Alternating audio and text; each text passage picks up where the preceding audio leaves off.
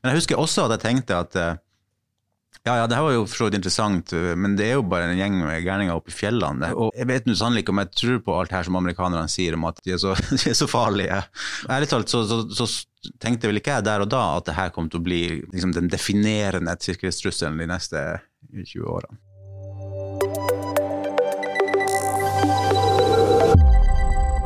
Ugradert, en podkast fra Forsvarets forskningsinstitutt. Hei! Og takk for at akkurat du har lasta ned denne podkasten.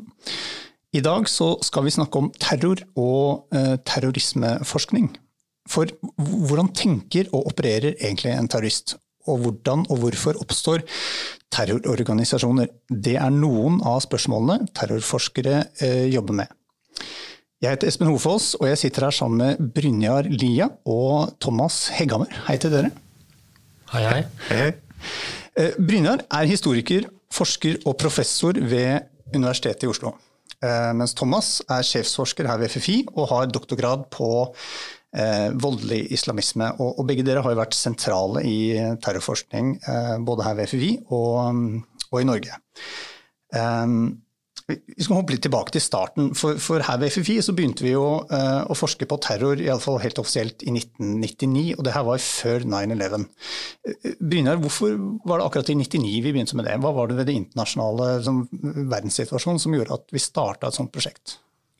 På 90-tallet hadde det vært eh, flere eksempler på det man kan kalle massevoldsterrorisme, som gjorde at mange tenkte at terrorisme er i endring, og at eh, den kanskje vil utgjøre en større strategisk trussel enn tidligere. Eh, her på FFI så eh, var det pågående prosjekter rundt dette med samfunnets sårbarhet, de såkalte BAS-prosjektene, beskyttelse av samfunn. Og de hadde vart noen år, men man manglet på en måte en forståelse av trusselaktørene. Man, man, man hadde gode analyser av sårbarhetene og hva man kunne gjøre med det, men, men hva eh, vil trusselaktører gjøre for å utnytte disse sårbarhetene?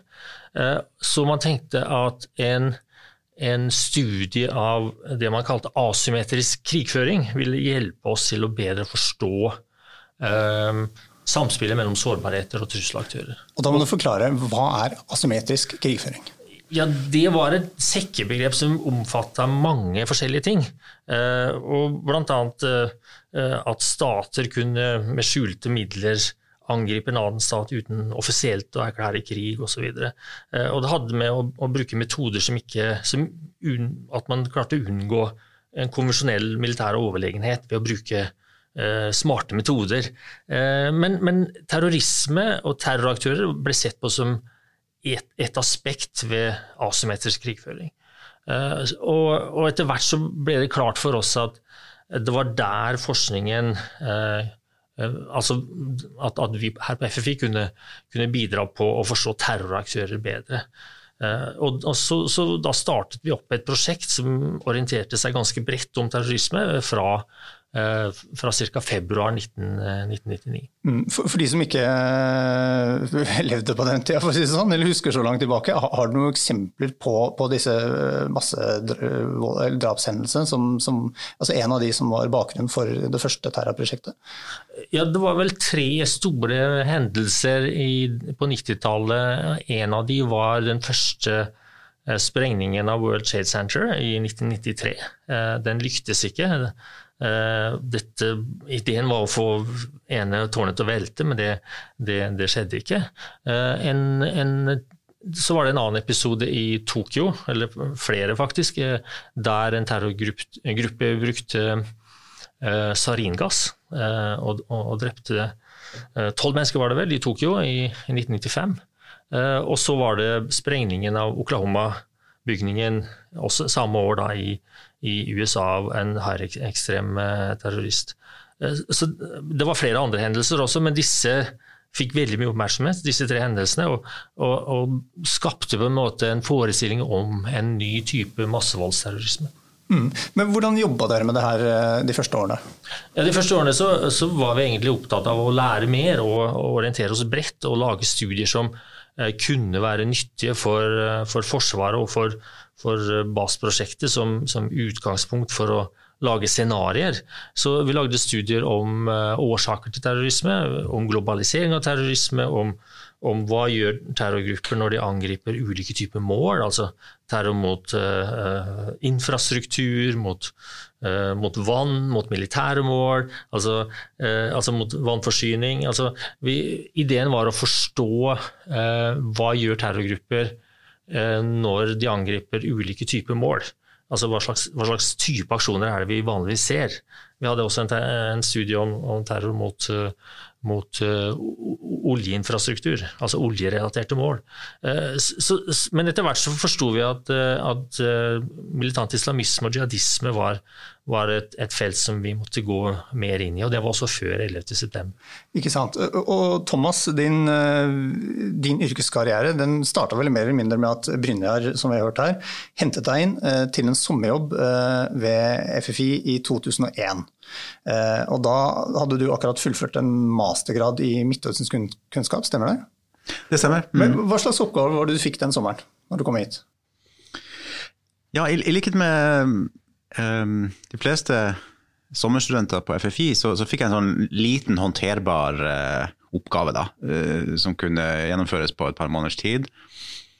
Og det i dette tilfellet var å se på uh, de langsiktige konsekvensene av intervensjoner.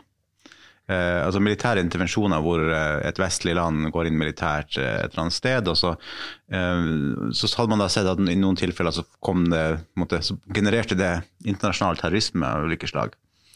Og eh, den hovedcasen som jeg så på den sommeren, var eh, Gulfkrigen i 1990-91.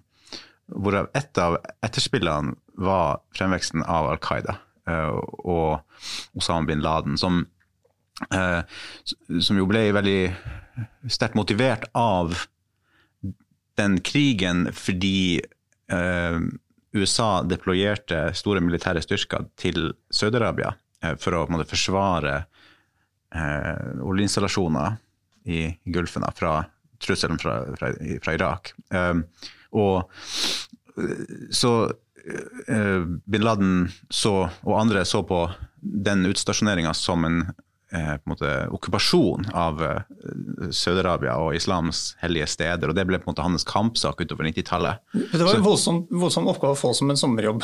altså, hva, hva, gjorde du? Altså, hvordan går du løs på en sånn oppgave når du skal prøve å koble eh, altså Se på konsekvensene av militær inngripen i et land? Det var en kombinasjon av å bruke datasett eh, på terrorhendelser eh, og det å gjøre grundige søk på, på, i, data, i, litteraturdatabaser og andre steder på, på, på nettet. Og en, av de, en, av de, fordelene som vi hadde allerede da, var at vi hadde jo språkkompetanse uh, som gjorde at vi kunne gå, se på en del primærkilder. altså se på tekster som, fra, fra, fra jihadistgrupper på, på, på, arabisk, som kanskje ikke ellers var så tilgjengelig. Um, så um, den sommeren så, så, så, husker jeg jo at jeg, at, at jeg satt og, og, og leste meg opp på, på, det lille som var skrevet da om de såkalte afghan-araberne, altså veteranene fra Afghanistan-krigen på 80-tallet, hvorav bin Laden var, var, den, var den sentrale aktøren. da, og, og jeg husker ærlig talt ikke om navnet Al Qaida var så veldig mye brukt akkurat i den litteraturen, men, men at man, man, man, var i hvert fall klar over at, det, at, at, bin Laden eh, var der ute i Afghanistan, at han hadde treningsleirer, og at det var et sånn her, en slags sånn nettverk da, av, eh, av liksom, transnasjonale jihadister. Um, men jeg husker også at jeg tenkte at uh, ja, ja, det her var jo for så vidt interessant, men det er jo bare en gjeng med gærninger oppe i fjellene. Og jeg vet nå sannelig ikke om jeg tror på alt her som amerikanerne sier om at de er så, de er så farlige. Ærlig talt så, så, så, tenkte vel ikke jeg der og da at det her kom til å bli liksom, den definerende sikkerhetstrusselen de neste 20 årene. Ikke sant, for så smalt det jo i, i, i New York. Eh, og disse flykapringene og angrepene mot bl.a. Eh, World Trade Center eh, 11.9 skulle jo påvirke hele verden de neste 20 årene. Men, men Thomas, husker du, du, Da var du vel ferdig med, med svømmeprogrammet, men husker du hvor du var, hva du gjorde og hva du tenkte når de bildene rulla over skjermen? Ja, ja. Som de fleste andre så, så husker jeg veldig godt hvor jeg var. Jeg satt på kontoret mitt, i samme korridoren som jeg sitter i dag, faktisk. Og så kom Laila Bukhari inn på kontoret og sa Thomas, du må se på, se på CNN. Det var jo på ettermiddagen da, norsk tid, og, og da, da, så vi jo bilder av uh, World Change Center med røyk som kom, kom, opp. Da hadde det første flyet akkurat truffet. Um, og det her angrepet det forløp jo sånn at det, det, det, det smalt på en måte flere ganger, men med en halvtimes mellomrom ca. Uh, så uh, et fly, så, så jeg så da Begynte å følge med etter det første traff, og så så jeg når det andre traff. Så, men så ble det middagstid, eh, og, og, på den tida så pleide vi å dra bort i, i kantina på, på, luft, eh, eller på, til Luftforsvaret rett der borte. Og så dro vi bort dit, og der hadde de satt opp eh, storskjerm, så de viste CNN live på, på storskjerm. Og da sto jeg der sammen med en del andre foran den storskjermen når når tårnene raste. Det var, det var sterk kost. Um, og, uh, og senere det, den, den, den, dagen ble jeg bare enda mer surrealistisk med at jeg senere på kvelden ble, ble invitert inn i, på TV da, for å snakke på Holmgang, som jo var det store debattprogrammet på den tida. Jeg hadde aldri, hadde aldri vært på på, nesten, jeg hadde, jeg hadde ikke snakka med medier før noen gang, og hadde i hvert fall ikke vært på TV.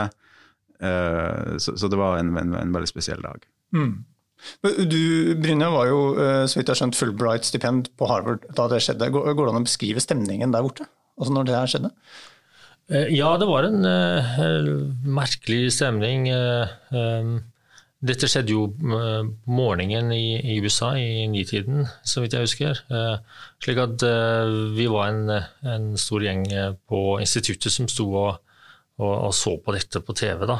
og, og når jeg kom, så var begge, hadde begge flyene gått inn i tårnet, men jeg hadde ikke falt ennå. Men når tårnet falt, så, så ble, skjønte vi jo alle at dette var en veldig dødelig hendelse. Eh, og så ringte jo media fra Norge også da, samtidig.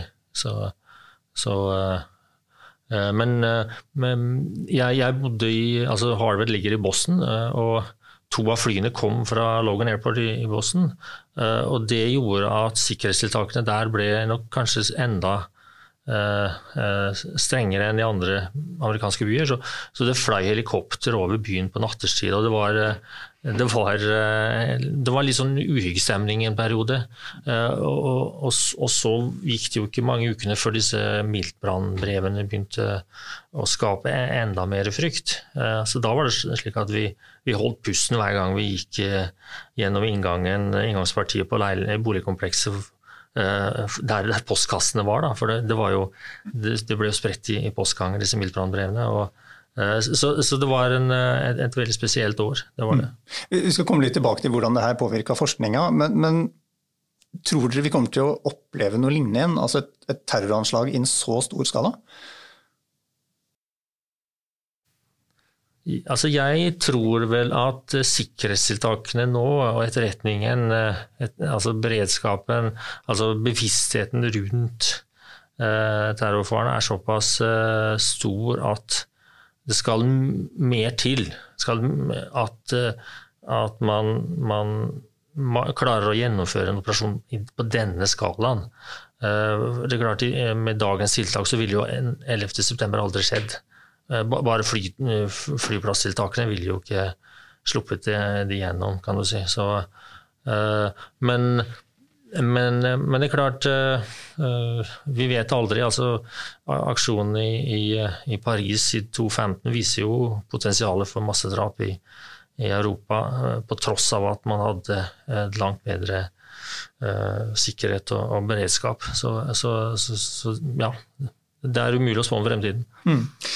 Etter 9-11 så blir jo naturlig nok forskningen, eh, terrorforskningen her eh, retta mot eh, militante islamistiske nettverk. Og også litt fordi at norske forsvaret bidro jo militært i Afghanistan, sånn at det var en nytte for den kunnskapen. Men, men hvordan, Thomas, hvordan forsker Du sa litt om det i stad, det her med å gå til primærkilder og, og ha språkkunnskapen som er nødvendig. Men hvordan forsker dere egentlig på sånne miljøer? Um, dere kan ikke, dere kan ikke oppsøke dem og uh, besøke dem, regner jeg med? Nei, man kan ikke oppsøke dem direkte. I hvert fall ikke akkurat de mest radikale, altså Al Qaida og, og de, som, de, som, de, som, er uh, operative terrorister. Men du kan jo snakke med eh, mange andre folk. Uh, og, så, så, feltarbeid og intervjuer har alltid vært en viktig del av vårt arbeid. Um, i form av å ja, reise ut eh, rundt omkring i Europa og til Midtøsten og andre steder. Og måte, prøve å få, måte, finne, finne, folk uh, som, som, enten har eh, hatt uh, som, har, som, har, vært del av gruppen, sånne radikale miljøer sjøl tidligere, eller som har vært fulgt dem på nært hold, eller, eller sånn. Um, så feltarbeid er en viktig ting. Um, men det her med primærkilder, å samle inn um, på en måte dokumenter produsert av gruppene sjøl, det er veldig sentralt. Uh, for å få en forståelse av deres ideologi og, og verdens, verdenssyn. For det er jo det som kan Det er jo det beste vinduet inn i på en måte, tankegangen og intensjoner og eventuelle ja, angrepsplaner, da, i, i største konsekvens. Mm. Men, um, apropos angrepsplaner, hva er det som skiller jobben du gjør og, eh, fra etterretning? Det er et veldig godt spørsmål. Um, og det, det, det, er mange ting.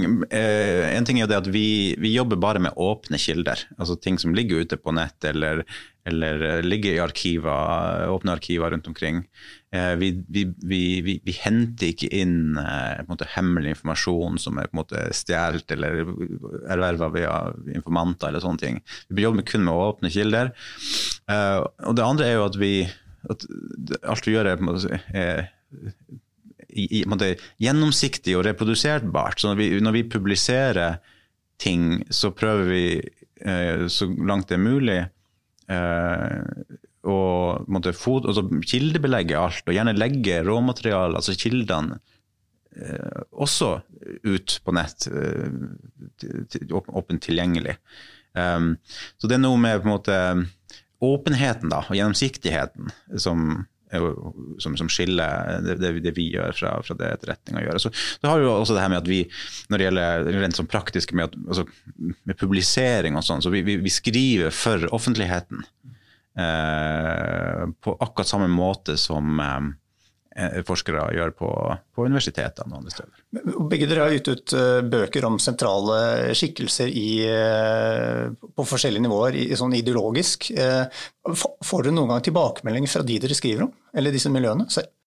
Ja, det her er jo internettet vært viktig, for internettet måte brakte egentlig en slags sånn stor mikrofon inn i terrorcellene, altså inn i, i, i, i eh, leirene rundt omkring. Så det, det, det kom, det, kom, Folk kom mer til orde da, på, på, nett, så, så du hadde bl.a. de her ulike eh, sånne chatteforum eh, hvor, hvor, hvor radikale islamister eh, prater om løst og fast.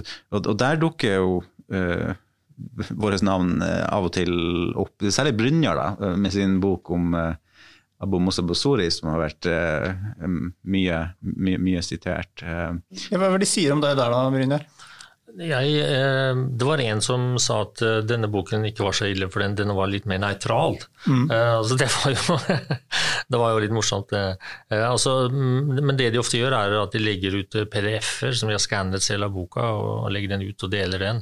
Også, også i den boken jeg ga ut, så, så er det med en oversettelse til engelsk av utdrag av det av, av, det Abu Mossad Besori produserte. Uh, og, og, så Det er nok også en grunn til at de skanner og, deler ut uh, deler denne PDF-en av, av, boka. Og jeg så vel også at et jihadisttidsskrift hadde rett og slett stjålet min oversettelse. Mer eller mindre. så, så, så, sånne ting kan skje. Men, men Thomas sin, flere av hans publikasjoner er jo også funnet igjen hos, i Ben Laden sin harddrive. Mm. Så, så det er også er interessant at eh, det ble funnet såpass eh, Han fant det såpass interessant at han lastet ned ting som, som Thomas har skrevet, så det, det er jo litt, eh, litt, interessant. Ser du på det som et kompliment? Ja, må jo det. Må jo det. Men, men høydepunktet så langt var i fjor, når, når eh, boka mi om Abdallah Azam kom ut. Og da dukka det opp en, en, en trygt bootleg-utgave i Idlib i Syria. Okay. Da hadde de ikke bare lasta ned PDF, men de hadde gått til det skrittet å trykke den opp på papir. det hadde jeg ikke sett før. Men det, men det her forteller oss jo at um, eh, de folkene her, de er opplyste, og, og, og de, de, de, leser. Og de, de, er ikke i en isolert boble i sitt eget eh, på en måte, lukkede, lukkede univers. De, de, prøver å følge med på hva som skjer og, og holde seg oppdatert. Og det her eh, henger jo sammen med ja, deres behov egentlig liksom, for, å, for, å, for, å føre, for, å, føre, kampen sin på best mulig, best mulig måte. Fordi de har vel også et veldig bevisst forhold til hvordan de selv blir oppfattet der ute. Eh, og ja, og, og, så er det jo de, de, de, de, fører jo krig på en måte. og eh, Skal man føre krig, så må man ha etterretning, man må ha situasjonsforståelse. Eh, og, og, det er jo der de her tingene passer inn. Mm. Eh, eh, la oss hoppe til 2004. Um, på, på det her tidspunktet så har terror fått en helt annen plass i folks bevissthet.